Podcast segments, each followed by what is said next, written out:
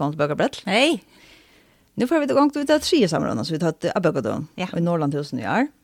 Det var i samband med Rittvandafället. Ja. Jag vet att samrådna vi har så imska Rittvandar som är öliga imskor. Ja. Alla fem, så har det stått lite. Den tre tar vi Inkom Kristensen. Ja. Som akkurat gör något bögard. Vilsta rötter. Vilsta rötter. Gör så väl.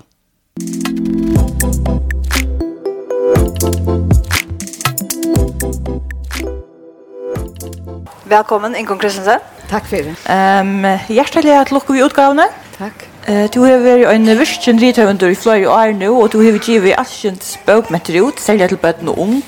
Hette til første skalsøven til vaksen. Du vant uh, bøkhandler av viruslønn i fjør vi har sånn handriten, og nå skalsøven uh, vilst der du etter kommet ut.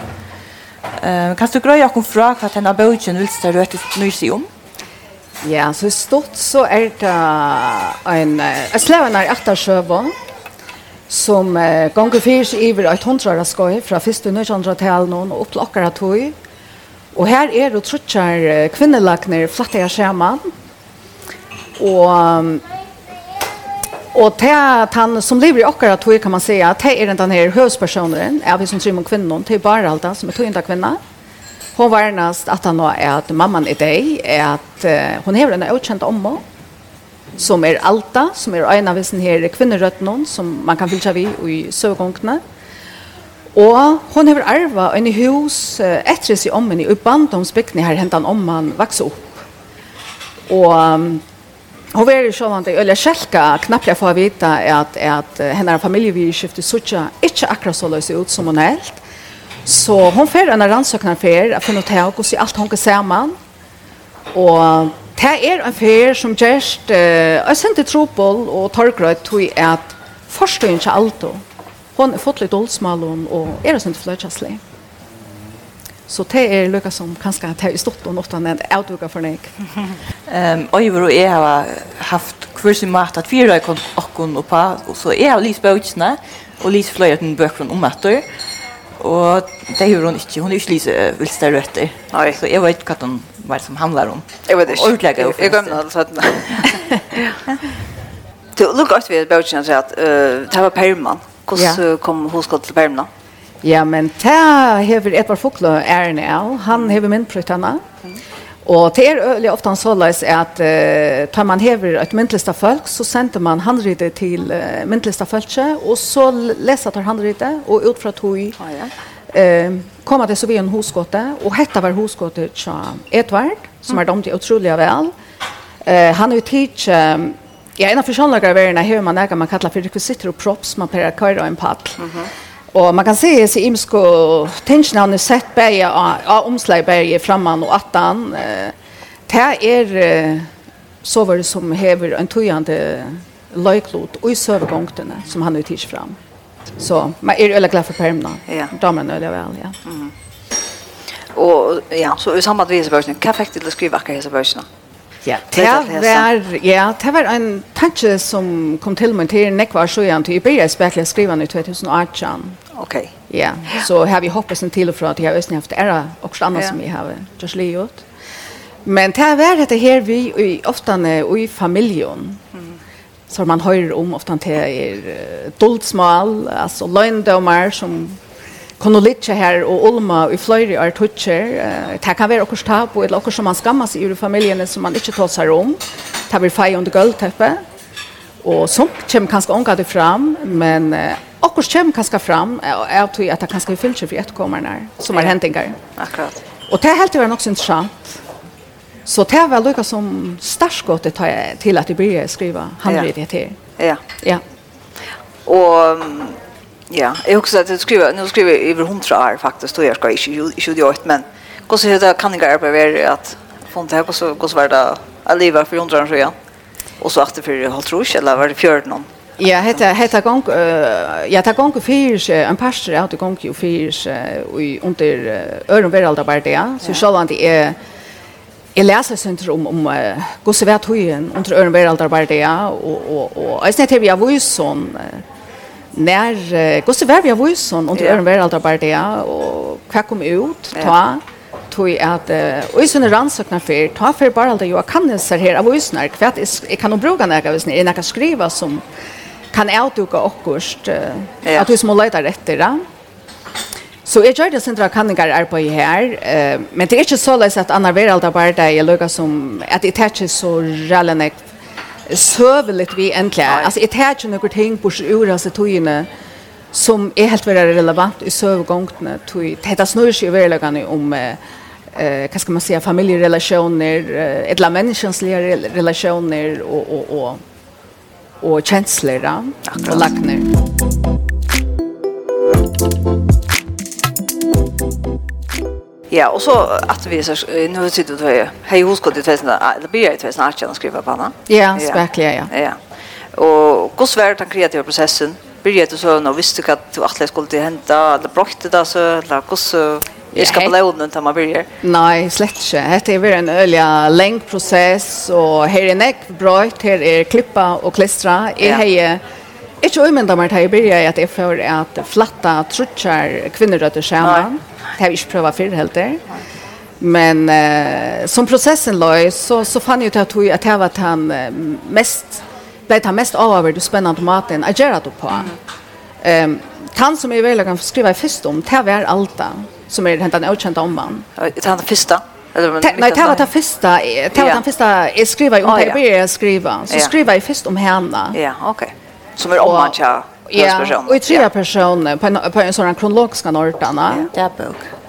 Nej, det var det jag bredvid. Okay. Nej, det var tre personer. Det var, inte, det var en kronologisk nortan i tre personer. Det var inte en bok jag bredvid. Okay. Så kom Akna som är bändakonan som hever en tygande löjklot och i, och i uppväxten kejsar alt allt då. Mm. Och till alla så var det faktiskt bara alt då som jeg skriver om. Och så var det lukka som heter her, att så får hon att dyka tror jag så skulle det till att flatta allt samman och få allt att hänga samman som en rejan tråd. Och Och här till som om man var komma till ända vi nej, det var inte det visste jag inte. Det som är helt skulle vara början och så en tablaventen. Ja ja. Men han såg det brukt den här. Ja. Klar passa lugga som till så gångna. Så början blev faktiskt enten. Ja. Och så ja. Ta också. det. Ja.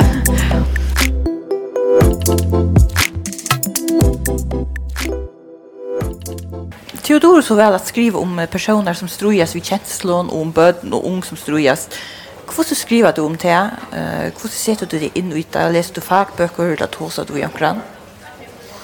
Det er nok så emisk å ska se tillgång till en er. Är halt det här att eh, ta du skriver om, om människans relationer och kjensler, så är det vel något vi kan relatera till på en eller annen måte om vi, om vi ikke opplever alt det som til dem som är opplever ikke alt det som jeg skriver om. Mm Men det er det kriteriet ved inliving, empati, at man lever sin yta og, og man kommer å kjenne seg personene så vel til man skriver. Ja? Du kommer att lyckas med in i och i hötte och känslorna i tjatomon og, og, och det er en prosess att lära dig att känna. Så det är inte fagböcker man alltid nöjt till allt. Men så har jag inte omkring att ta som är vittjare. Här har vi är vi först eh, rent a lisi och för jag kunna mig bättre om ämnen, för jag skiljer det bättre. Skiljer bättre till som jag skriver om och i omkring förra. Mm. Och um, om vi till dömes som tar solgrat som snurrar sig om attlöjning att ha en annan hualit. Um, ta att ha sig är vi omkring att han och att han ryter var mörda men leot. Jag vill helst inte avvirskas. Och skriver processen av vad hon sker alltså, till som. Okej. Okay eh till en server ja. det som jag skriver och, och så prövar jag lucka som att checka av om är vär om är vär lucka som att några långt att rätta loj hej är skilt det här ordentligt som jag skriver om att ha en annan hualid hur ser det här att här vart här och i en samfälla här med en person har en lösan hualid du du skiljer du borde bara vi att ha en annan hualid där Gert han näka vi går så tog vi och og och går så folk uppfattar det och så vad gör jag? Så här tar sig vi om natten och här i Lucka som fick några tänka vita och kanske rätta i oxlutsen till och han red natten och ja. Eh nu tas om fjällbrettne och vi örvise och imslöka. Tu varst en av de første halt jag som började skriva om diversitet eller om fjällbrettne i färgen. Om ich fast allt skojigt um, i ungdomsböcker nu tog jag ut solkrater. Jag har alltid ja. den första som jag vill jag se upprona førisk om fjolbrettene. Eh, uh, hvor først har skrivet om fjolbrettene, og heldig du vi manglar mer så vi har bøker i følgen? Ja, årsaken til at jeg får i gang, det er sikkert at man bliver, man får uiblåster fra øtlen rundt om seg. Ja. Vi tar ut det i førgen, øljene ikke vi, og noen ørne hoa litt litt. Det kom alle mulige stedene fra, ikke bare vi hoa litt. Og det var lukket som det som var uiblåsen hittar vi at man hoksar hvordan er det her. Jeg vil følge om vi en ørne hoa litt. Mm. Er det vidt annerledes?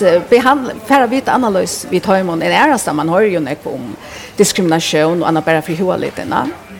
Så det var, var interessant lukka som at dukka sent ned ut her evne, ja. Det var interessant helt det. Sånn så kommer i mest annet vet, det en ungdomsbøk, så Ja. Så um, ja, man får uppblåster fra, fra omkvarnen som du er stå i, og det som man leser, høyrer og ser. Ja. Hva var hennes spørning kring det i samband med fjellbrøttene? Og helt og vi var helt av Møyra så var bøker. Nå vet jeg at um, Elena Rekvi var akkurat ikke flyteforklare ut, ja. og du komst først ut via solkrater. Ja. Ja. Så vi manglar mer så jag böcker av förskott. Ehm um, ja, det kan väl vara att att uh, Lucas som för att att allt det som vi var som man säger att det kan identifiera sig vi vi vi och jag kan samfälla att häva det som vi skriva Det är väl möjligt att det var det, men, men det jag skriver är det inte tror att det inte kan vi mangla. Alltså, jag mer är det hosgåttet som är drive, är det näka som är alltid vara spännande och avvärst, och så till, till drive. Det man tänker med, det jag sitter och skriver. Mm. Um, men det är gott att, att det kommer fler sådana böcker ut, att, att kanske fler färre skriva om det. Det är alltid fint, ordentligt gott. Jeg de gjør det vel sølkrater. Hon ordla ordla gå kan jag lika säga. Ja, väldigt tack. Ja, ehm och ojs ni hade skriva om Jarva jenter som out fra Sølgrator Elin Katrina fra Lökmans Løkmans står i gården fra husfrukne ur Husavik og fløyre. Jeg har selv at vi mangler våre bøker av opprunna føreskånd om jenter og kvinner som er at en fiktiv eller laverligere i bøkmenton. Um, Hvordan er det til at du først at uh, enten skriver sakner om kvinner? Ja, det har börjat för nekon åren sjuan att jag blev spurt om jag har ju hod till att skriva en bok, badnabok, alltså en krabbabok runt av sökn om Annika Döjman. Og det var så i samstarv vi bøkadøltene og Noam. Og det er helt i ljøa i øyelig spennende. Så det er ikke bra for, så det sier jeg til. Og så at han at det samstarv, eller at han at han bøkken kom ut, så, så var det av i flere bøkken. Uh, i samband vi kanske kanske sagt när vi ser hotel till jeg har jo fria timmar altså det är ikke annorlunda än att jag sitter og skriver vanligt och jag har blitt biten, og som sagt någon det öle spännande och og, og det så til husfrekven i Husavøk, og Lekmannstøtten av Støy, og Katrin i Tofton, så kommer tre. Og Annika Dömen Annika Dömen var den första ja. Ja, ja. ja. Eh, kommer mer ut? Ja, det var inte just Okay. Så jag tog det på stanna. Det är det jag har varit där. Och idag mördar vi allt om att han tog skriver på om Jarva Jetter i förskolsövo. Ja, det var öliga stolt att skriva. Det var öliga spännande att skriva. Ja. ja.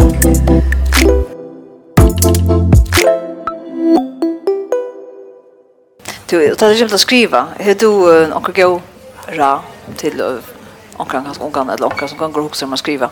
Show. Ja, jag kunde sagt skriva, skriva, skriva. Ja.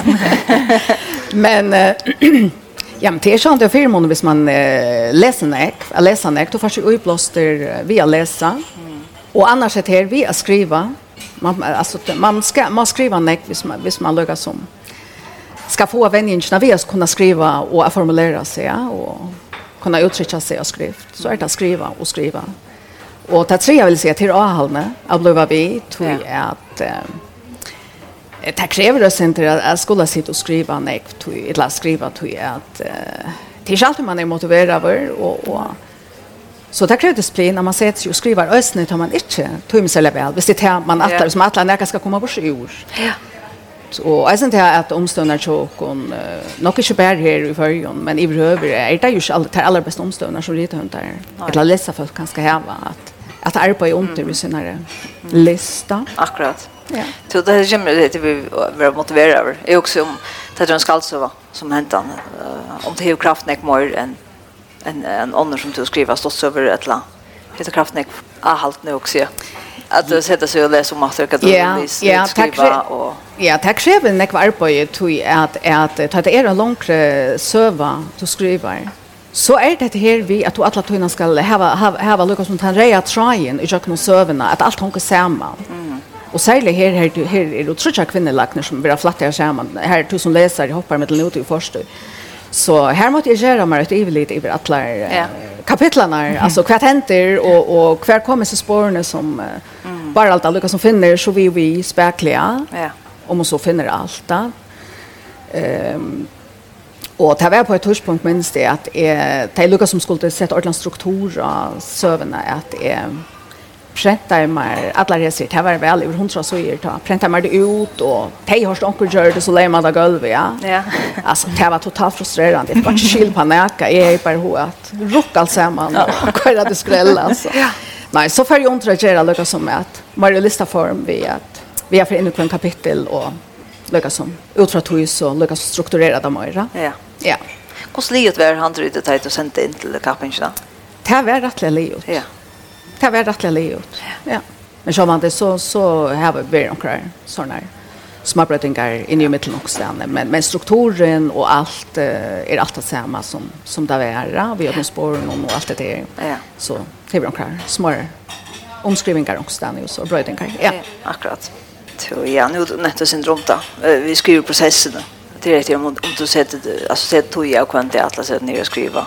Alltså det är så stickor eller gängte vi omkring pjatar en penna som som tankar om och Ja, jag gängte inte alltid vi, vi block och penna och pjamar. Det borde ganska görs. Men så kött som vi får ett hoskott alltså, så, så, så, så vill jag skriva ner. Ja. ja tui. Det kan alltid brukas, men till oss som börjar vi största gångt vi, vi äh, att skriva så får man ofta i hos knappt ett e-mail som man sitter och huxar om det. Mm. Eh, ofta när vi står lukka som lägga det fra där, eller också om något helt annat, så kan du knappt få ett möjligt hoskott om, uh, detta kan jag skriva i, i sövn i östen, detta är Erika kanske här och här. Ja. Så skriver jag det ner, ja. Det gör jag. Tum. Annars så glömmer man, då så det veckar man med det. Ja, ja. ja. Och så är det där tog jag kvant ja, alltså att avst. Ja, ja, jag skriver, ja, alltså nu är det ju, har vi ju starslöna, så nu, nu skriver jag fast kvant det är som ett arbete, jag sitter och skriver, ja, sätt mig jag, Och det är ju östen annars. Jag som tar i här jag starr vid synare och så sitter jag faktiskt och skriver vid synare och ja. sätter mig toja. Ja, kan vi spela, ehm um, skriva du på näka nu? Skriva du näka? Ja, ja. Det är det hemligt. Ja, jag kan godt si at jeg skriver, men altså, akkurat det, det forteller jeg ikke. Nei. Spennende. Ja. Ehm, hvordan føltes det at du fikk så vidt at du har vunnet skaldsøvkappingene? Det var overlig og fantastisk. För er faktisk livet til tals vi att om vi vann i det litt, alltså om vi ikke vann så så helt är att han lite är avvärst spännande så jeg at man finns det ut då å se. Så de så fick vita att man är vunnit. Det var helt fantastiskt alltså. Jag skulle till henne kredera och sådant allt. Det var ja, ordentligt. Ja, det var så lätt.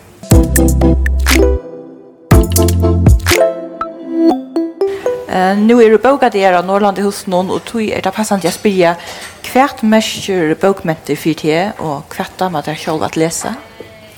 Ja, bokmenter har øyne ekva vil si for meg. At han jeg, altså, betyr han jeg, tog jeg at jeg er oppvaksen og gjør noen høyme vi arealene våre fotler fotlar boken, og er vaksen upp i søvå, og har selv lyst i øyne jeg alltid så att uh, mer damer allt möjligt. Alltså mer damer öliga väl till dem som heter vi när attasjöve och, och drama. Det damer men också väl. Det kanske mm -hmm. damer damer bäst men mer damer ösnen när väl skriver krimi och och och biografier och så så det är också bra en smak allt. Och nu det här du skriver barna och ungdomsböcker. Vart några monor att du skulle skriva vuxna. Eh vill säga rätt som är vuxna man har bok. Eller en stor monor att bryta fra badnabøker til vaksenvannabøk? Uh, jeg vil si at det er, jeg følte det er lettere å skrive til vaksen. Det er nekk flere ætlig å ta at du skriver til bøtten og ung. Det er slett ikke bare bare, altså. Så tar jeg skriver til vaksen, så er det min egen, egen aldersbøk, kan man si. Ja. Mm. Man, man er østene frøyere på en eller annen måte. Det er flere ætlig til bøtten. Men selv om det tar ærere avbjøringer til du skriver en så en lång søver, så är det ärare avbjøringer, ja? än att du skriver en av stittre. Mm det är det här att allt ska hänga samman och och och det är en lång process. Mm. Ja.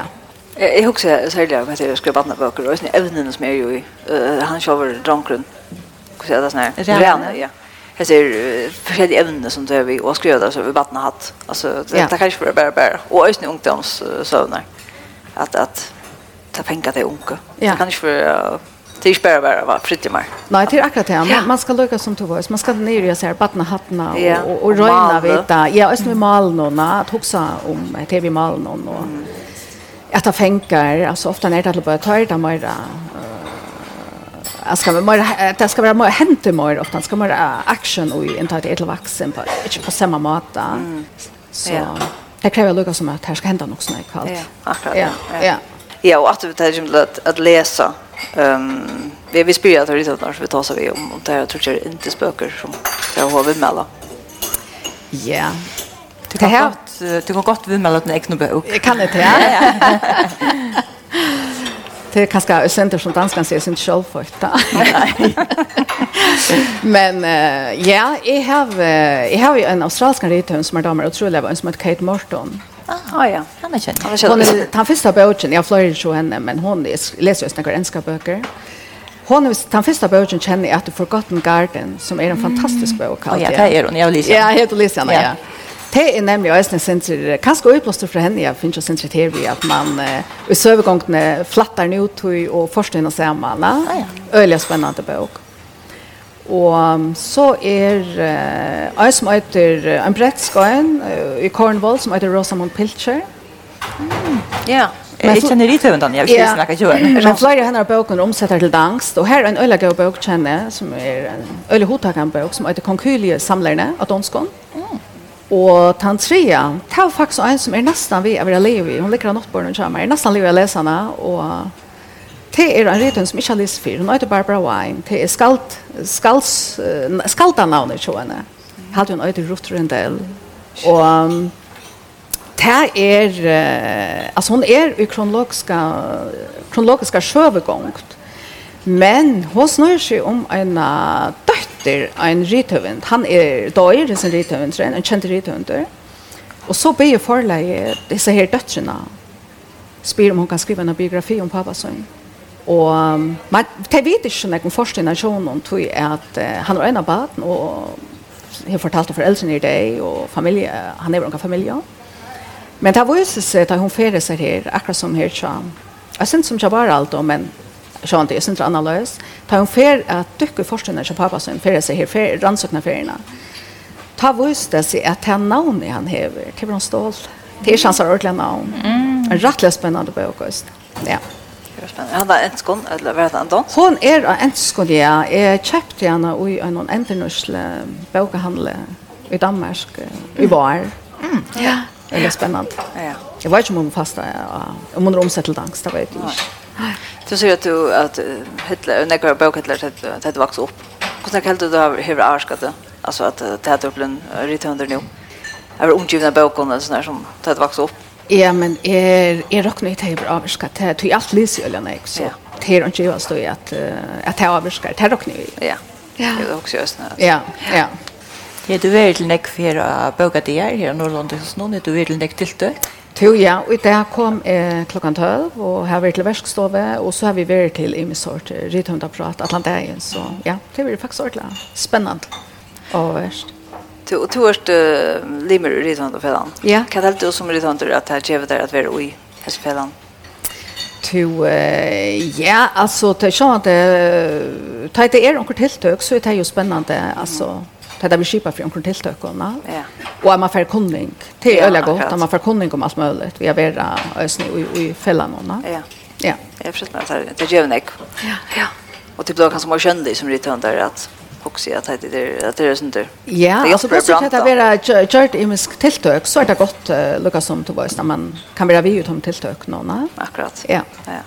Men jag har också varit och lyssnat mer om vissa rötter. Alltså är det några mer som fortäljer utan att du gör för näck alltså en veck. Alltså att du gör för näck. Ja, jag har några spurningar. Jag spyr ju om kurs. Ja, jag har gjort av bare alt, og jeg har alltid en så ordentlig en sterske personer og en kvinna så letar etter uh, sannleggene någon och yeah. hon lever kvinna Ja. eller är tvinda kvinna. Ja. Och vi er jo i kruxrektorn örtjon. Ja. Så är hon alltså och ett långt finner någon i böckerna. Tant mer bara allt och bäst. Ja. Det är jo hon ganska värt han som är mest framme. Ja. Som letar ju och hon yeah. alle gjør og så hørt. Og visste att hun ville det. Ja. Man kan så även säga att hon är uppvuxen i en RR2 här. Hon har flera möjligheter i in, in Ja, ja eh uh, naturskor. Ja, ja. ja. Haft möjligheten att kunna få en uppbyggning och, och, och, och råa kjol, va? Ja. ja. Men ett lösning är permanenten, ett lösning perman, kunde vi lösning prata om kanske, hvis vi tar oss en tråd tog, hvis vi har hotell till. Jo, det har ehm Den här min Richnon, ja. är det inte Alta, är det Alta? Eller är det... Ja, det är så spårningen om det är hon, om det är hon. Ett hin jättan, tja, svann och... Jo bara. Ja. ja. Men det som är nog så stått lite och är som omslagna är att han för det att det är um, alltså jag skriver jag ska förslä av telefon det är och och och i sövgångten. Nej. Men Edvard Focklö så som han har uppfattat personligheten att bara allt och så helt antas skulle vara en Nokia telefon en sån retro. Ja. Jag känner det är nog så stått lite. Ehm ja. Jag har bestämt det här ju när så jag telefon. Ja. Kommer då? Ja. Och så heter här av forsyn här vi täva heter träje här vi säljer någon. Vet jag inte allt som de så säljer. Jo. Jo.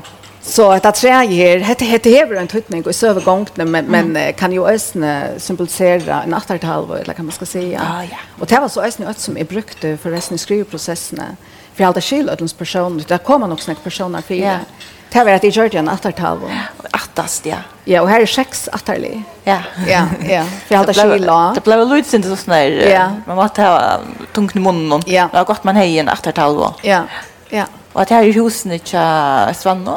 Ja, det som man ser i, i bilspeklen ja, bilspeklen, er, her, heter er husene som, som bare alt arvar etter um, alt og til avkjent og omvendig i ja. bygdene, ja? Ja. Og så sa det et bakspekl.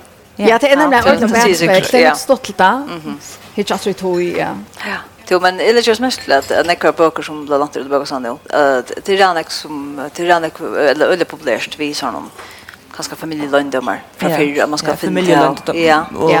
kvinnor som löjde efter sannläggande och ja. sådär. Ja. Det är öle populära än ja. dem, ja. Ja. Ja, men så så släpper jag den förska som. Ja. Ja. Jo, men jag har alltid vi ser bara tack för det. En gång. Sjön tack.